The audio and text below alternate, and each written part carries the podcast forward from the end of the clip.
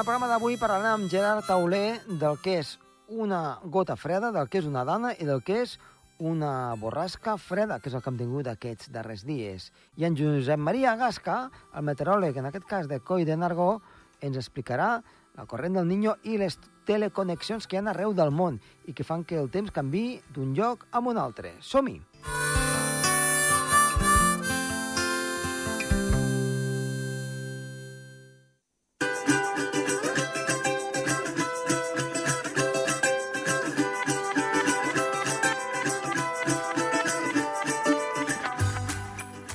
Comencem el programa i parlem amb Gerard Tauler. Gerard, molt bona tarda. Hola, molt bona tarda, Josep Tomàs. Doncs bé, avui ens explicaràs, ja que aquesta setmana està sent una mica revolucionària en aquest aspecte, el que és eh, una gota freda o també una dana. Va, volia parlar de la diferència que hi ha entre la gota freda i dana, que és el mateix, i borrasca freda en, aïllada. Mm, perquè això que hem tingut uh, i que... És una borrasca freda aïllada, perquè tenia d'un front càlid i un front fred Eh? associats i, a més, tenia reflex en superfície. La pressió era inferior a 1.013 hectopascals. Per tant, En pode... canvi, una dana té la pressió de 1.013 o superior en, en, en superfície. per tant la El, diferent... el, el procés de formació és el mateix, una entrada d'aire fred Mm? de, de, de latituds altes, estrangulament del corrent en, en jet, del Sí. corrent en raig, i aïllament d'una bossa d'aire fred en alçada, però eh, eh, quan és una dana no es correspon en superfície o, o, o, la pressió és molt, molt poc, ha un amb molt, molt poca pressió Ja t'entenc. dir. Mm -hmm. En canvi... Eh, és relativament, ba és relativament alta la pressió. En canvi, amb una, amb una borrasca freda aïllada, la, la pressió és inferior a la, a la, a la estàndard, que és 1.013. Els 1.013, és, és inferior al 1.013, per tant hem tingut el que seria una borrasca freda. Podríem Sí. dir. Eh? No pas una Borrasca dana. freda aïllada. No pas una dana. I de la circulació general atmosfèrica, perquè normalment les borrasques eh, en latituds mitjanes circulen en latituds superiors a les nostres. Uh -huh. Per això en diem borrasca freda aïllada. Mm, Per tant, eh, moltes vegades en els medis de comunicació es diu erròniament. Sí, clar, Tot- perquè és més fàcil de Clar. dir gota freda i dana i s'ha popularitzat tant aquest terme Clar. que, que ara tot el que passa és per gotes fredes o danes i, i no és correcte. Clar, clar, és que fins i tot meteoròlegs ho diuen, eh? Sí, els meteoròlegs, clar, bueno, és més fàcil i més tenen un temps limitat per parlar de, Sí. del tema i... Però vaja, a veure, a veure, et dic una cosa, eh? eh tu pots dir, és molt fàcil dir, tenim una borrasca o tenim una dana. Mm, és- és- és- S'explica ràpid, eh? Ja està explicat. no, han, han acostumat el gran públic a, Clar. a la dana i que fa tan... que, que provoca uns efectes tan Mm -hmm. negatius Doncs clar, fa més... pluges torrencials o, o mal temps que, que la gent amb una borrasca potser no en té prou, no Mm. sé. Doncs Gerard, moltíssimes gràcies per fer-nos aquest apunt meteorològic. Bona tarda. Perfecte. Fins Adéu-siau. la setmana vinent. Adéu-siau. Adéu, Josep Tomàs.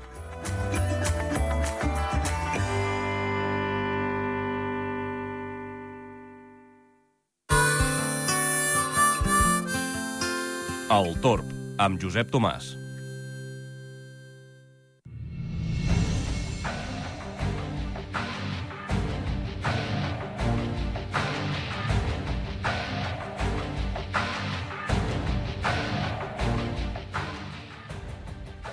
L'entrevista d'avui parlem amb Josep Maria Gasca.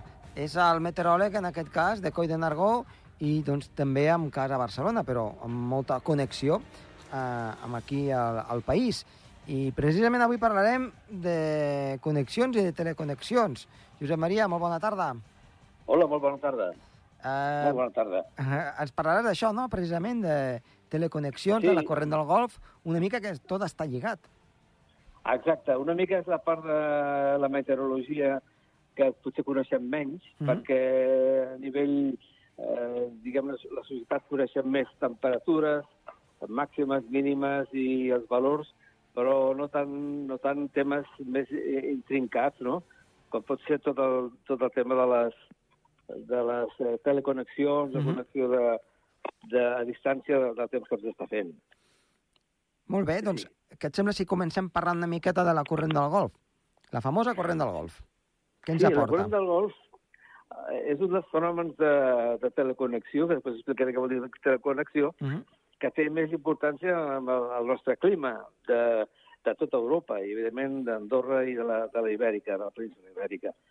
Són corrents, diguem-ne, a veure, la Terra, el globo terraqui rep molta energia a l'alçada a nivell de l'equador, on sobre la cintura de, de l'esfera, no? I d'allà aquesta energia, diguem-ne, sobrant, es va traduint normalment a través dels mars cap al pol nord i al pol sud. Uh -huh. El, el procediment de, en què es desplacen aquestes, eh, aquestes accessos d'energia és realment eh, complicat, s'hauria d'explicar amb un nom de cèl·lules que, que són, se diu cèl·lules, són els moviments de, eh, de Halley, és la més coneguda, de que són moviments de l'aire, ascendents i descendents, que va, va compensar la temperatura. D'acord. No, no obstant, eh, el major transportador o regulador de la temperatura de la Terra són els oceans. Uh -huh. dir que els mars eh, en si tenen una gran eh, capacitat de captació de temperatura, sigui freda o calenta, tenen molta inèrcia tèrmica, són mal conductors entre si, Mm, vull dir, l'aigua freda la calenta s'acostumen a rebutjar, estan aïllades, tot i que tot està junt, es veu al mar, tot igual, però estan separats. I un dels, de les cintes transportadores, per dir-ho així, que tenim, és una que arranca al golf de Mèxic, vull dir, al, al Carib, Sí. eh, de Nord-Amèrica o Centroamèrica, i creua, per explicar-ho ràpid, així, tot el Mediter tot l'Atlàntic, l'oceà Atlàntic, i s'acaba partint en dues branques, però a l'alçada pràcticament de les illes britàniques i d'Escandinàvia. Uh -huh. Això és un fenomen mm, molt important en quant eh, permet que Andorra i que la zona, diguem-ne, sud de- d'Europa tingui uns nivells de temperatura eh, molt més suaus del, del que li correspondria per la latitud. Mhm. Pensem que estem a una latitud assemblada a Nova York i tenim unes temperatures molt més suaus. Per què? Perquè ells no tenen aquest efecte benefactor del corrent del Golf, mentre que aquí i a gran part de, de l'Europa atlàntica gaudeixen d'aquest efecte. No? Aquest, aquest corrent del Golf, un dia parlarem específicament del corrent del Golf, per, per la seva importància i la seva quantitat d'aigua. Diguem-ne que desplaça, per entendre-ho ràpid i no entrem en més detalls, 80 milions de metres cúbics per segon. O sigui, és un riu enorme, dintre d'un mar enorme, que no es veu però que hi ha un desplaçament de, entre 20 per hora, aproximadament quilòmetres, que es va desplaçant des de la zona del Carib fins, eh, com hem dit abans, a Europa. Per tant, És, és, si, si tu muntes Sí. amb, amb una barca, eh, deixes una barca, eh, no sé, a Cuba, eh, pot aparèixer a Irlanda, per exemple, per dir d'alguna manera. Sí, sí, te- tens prou bona mar i, i agafes el corrent ben agafat, exactament, sí. Aquesta seria una visió gràfica de, de, del que és el corrent aquest, no? Sigui, transport, transportar gran quantitat d'aigua a molta distància, amb una amplada, és una, és una, és una faixa, però fa, és molt ampla, fa uns 1.000 quilòmetres eh, d'amplada, a, part de, a bona part del seu trajecte, i té una fondària d'uns 100 metres, vull dir, és fons, 100 metres, i té com un quilòmetre d'amplada, i, perdó, 1.000 quilòmetres d'amplada, i va arrossegant aquest, aquest quantitat de 1,8 milions de metres cúbics per segon, no? Veiem, són quantitats, com recordem, riuades de Segre, Valira i, i rius Sí. de la comarca, 3 o 4 mil metres cúbics ja és un, és un, per segon és una brutalitat. Clar. Aquí parlem de milions. Clar que és, és aigua que corre dintre de l'aigua mateix. Hem d'imaginar, doncs, com un, un riu dintre, de, dintre del mar, amb unes característiques de temperatura diferents al seu entorn i de salinitat, que també això fora un altre tema mm, a comentar, l'aigua més, més calenta, l'aigua més freda, etc tenen altra densitat i, i altre comportament eh, entre elles, tot i que no es, no és no es barregen, vull dir que cada una va al seu fins que molt a la llarga es poden mm, barrejar i eh, llavors modificar les seves ca- característiques, no? Però és, un, és bàsicament, diguem-ne, que és un, degut en part també l'efecte Coriolis del gir de la Terra, vull dir, tinguem en compte que el gir de la Terra, el gir de la Terra gira, però tot el que hi ha a sobre de la Terra també té tendència a girar, eh, en quan eh, forma part solidària de, de, de la bola, del Sí, globus. clar. Per tant, es van generant desviacions de lo que hi ha a sobre, que pot ser, doncs, els vents són uns que es desvien per l'efecte Coriolis, en una direcció a l'hemisferi nord i l'altra a l'hemisferi sud, i l'aigua dels oceans també, no? Uh -huh. Vull dir que és un, és un tema interessant, eh, és d'un volum molt gran, d'un volum en quant a quantitat, en quant a, a, a metres cúbics brutal, i que ja fa anys que es va descobrir. Es va descobrir el, el 1500, 1513, un explorador espanyol, eh, Juan Ponce de León, que el nom ja defineix bastant l'origen de l'individu, que va descobrir doncs, això, que, que la navegació des d'allà, que deies tu abans, des del Cuba i eh, l'espanyola, que en deien abans, cap aquí a Europa, eh, era molt més fàcil si seguir un cert camí que un altre. Sí. I van descobrir doncs, que hi havia un corrent determinat que, que afavoria el viatge, almenys el de tornada. D'anada suposo que ja anaven per una altra ruta, ruta a les Canàries, la zona de les Calmes, i llavors trencar a oest a buscar, a buscar les illes o els, o els arxipèlags de, de Centroamèrica que diem avui, no? Mm. O sigui, això és un dels aspectes que afecta el nostre clima, que avui en dia està en qüestió perquè sembla que... Perdó, sembla que s'està enfablint d'aquest corrent, i si això s'enfablís, acabaríem amb un gran problema de temperatura a Europa per descens per, per fred, no? Uh -huh. No estem amb això, ni molt menys, però s'està parlant la possibilitat de, de que la corrent del Golf, el, el Gulf Stream, eh, s'afluixi. Uh mhm. -huh. Aleshores, el, el fenomen de la, de la teleconnexió sí. és, en definitiva, no és altra cosa, segons la definició oficial, perdó, que tinc algun estornut, que és un procés en què en, lloc, en un lloc de la Terra pot originar conseqüències a un lloc molt allunyat del planeta. Uh mhm. -huh. O sigui, es pot produir el que se'n diu també l'efecte papallona, que una cosa mínima a un lloc pot tenir fenòmens molt importants a, a mil quilòmetres de distància. No? D'acord. I so, sobretot en el tema oceànic. I pensem que el 70% del globus està cobert d'aigua mm, oceànica uh -huh. i que el 40% de la població, el 40% de la població vol dir uns 3.500 milions de persones, habiten els primers 100 quilòmetres de les costes. Per tant, eh, tot el que pugui passar als mars i als seus nivells i a les seves, eh, diguem, les seves normes, Clar. es poden afectar molta més del que sembla. Clar, té molta afectació. És una... Eh? Té, sí. té, té molta afectació.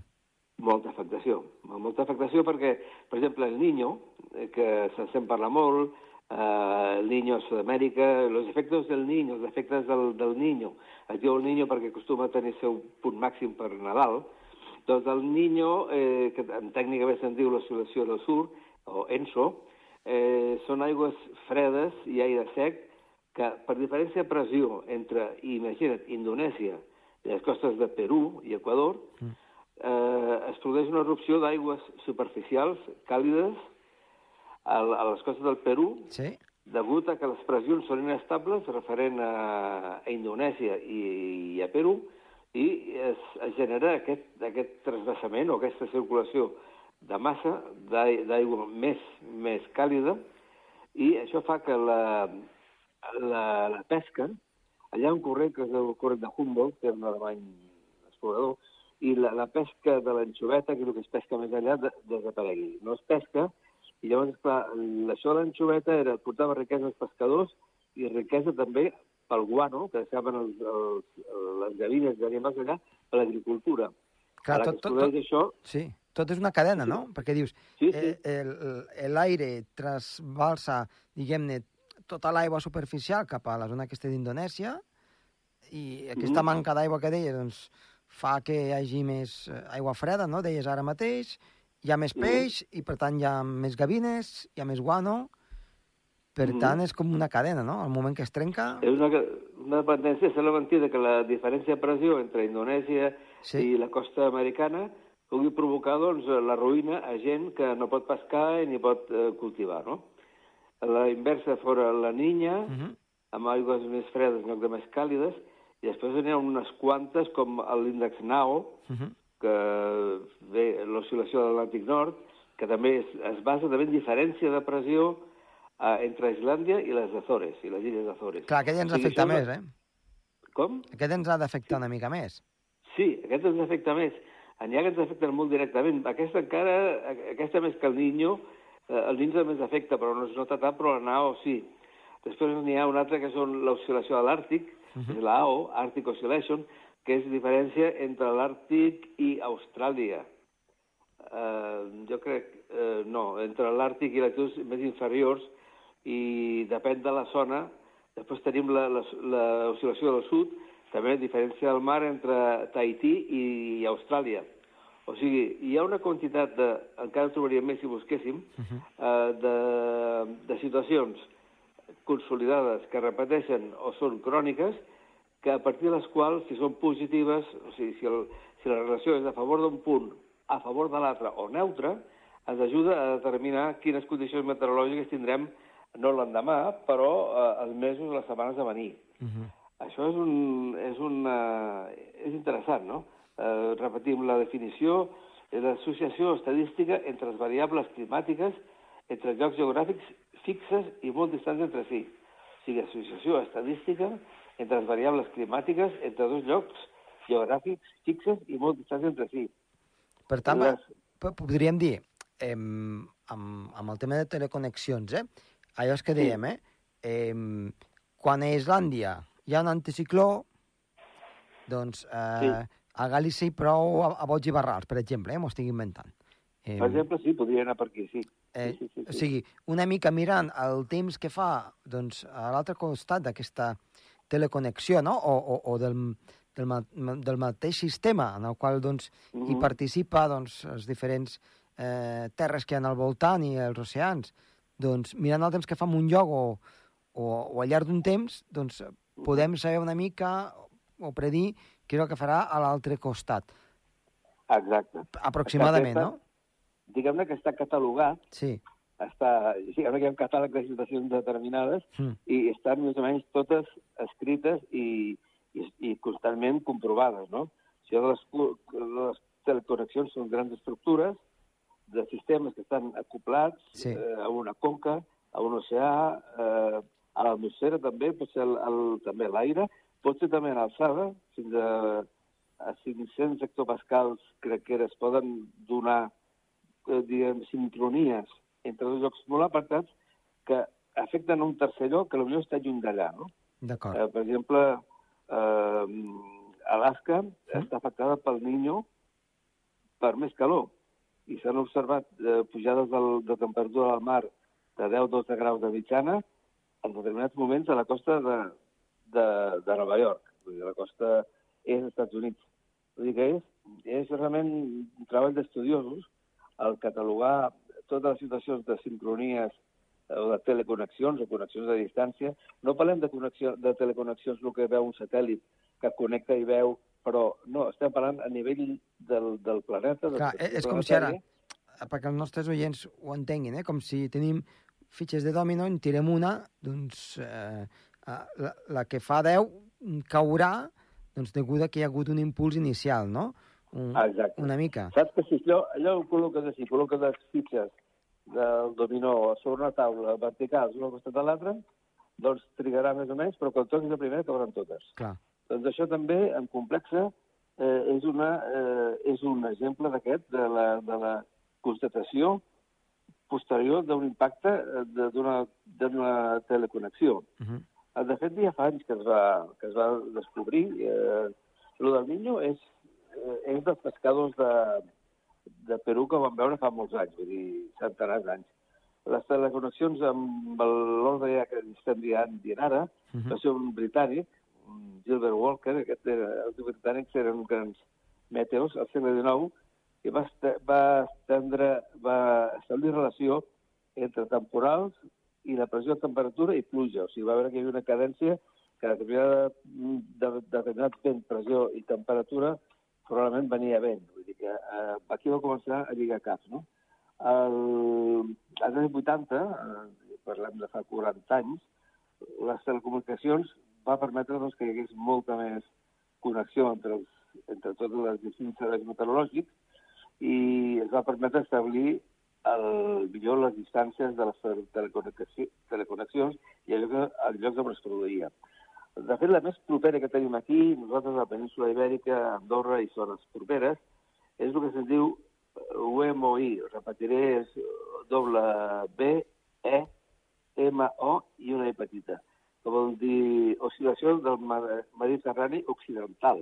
Uh -huh. O sigui, fa una línia que va des de San Fernando, Cádiz, fins a Pàdua, del Véneto, Sí? i s'estudia la pressió d'un lloc i l'altre. Uh, I, de, naturalment, això dona un resultat positiu, eh, d'un lloc negatiu o neutre. El, les dues pressions, eh, eh, de fet, la baixa de...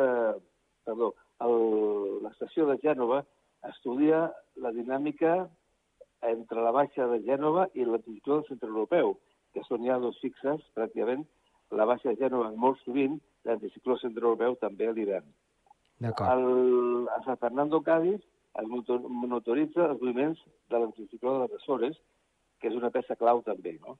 Si tens coneixement de l'anticicló de les Açores, l'anticicló centre-europeu i la baixa mm, del gust de lleó, doncs pràcticament tens ja una bona, un bon abast.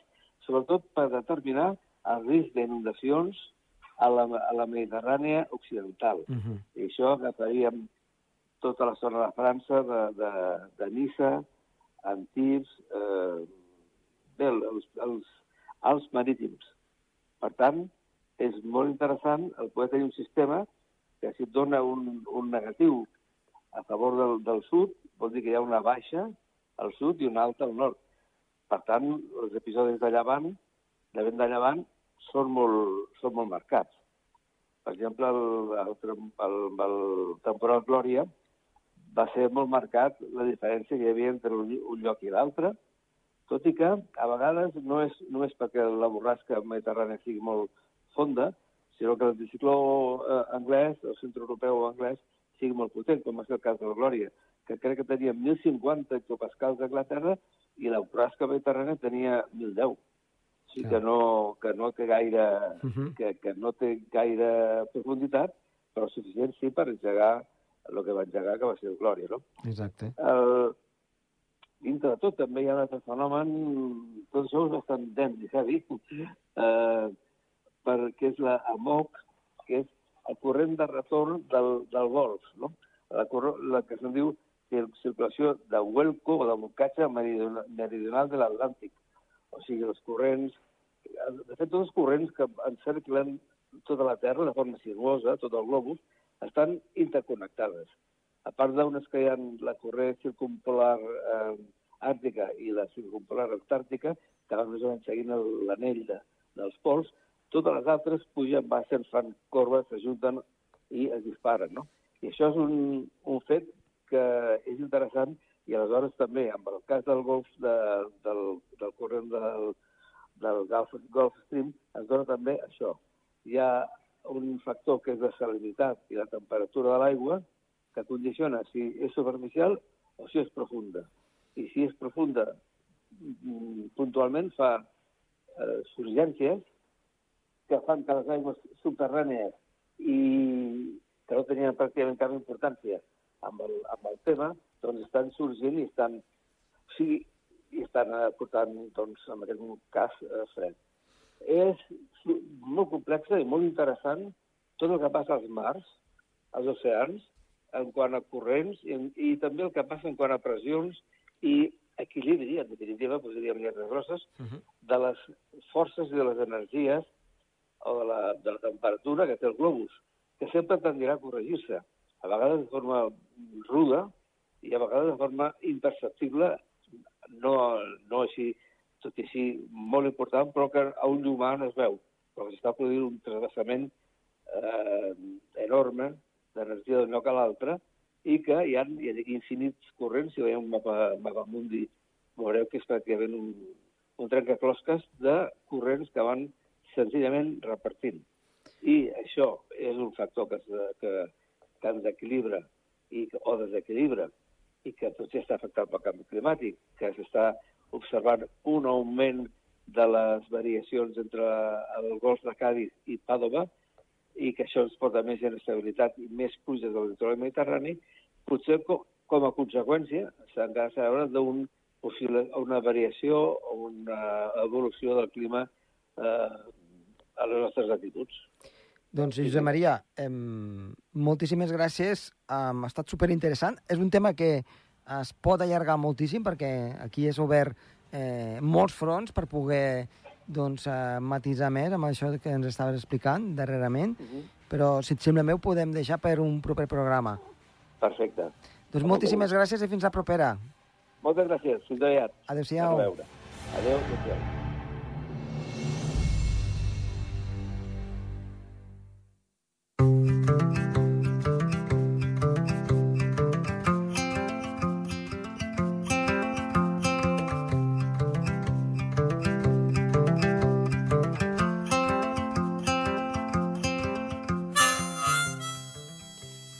Aquí el programa d'avui. Esperem que els hagi agradat. Ha estat de les vies de so, Toni Escur, i que els ha parlat molt de gust. Josep Tomàs, adeu-siau.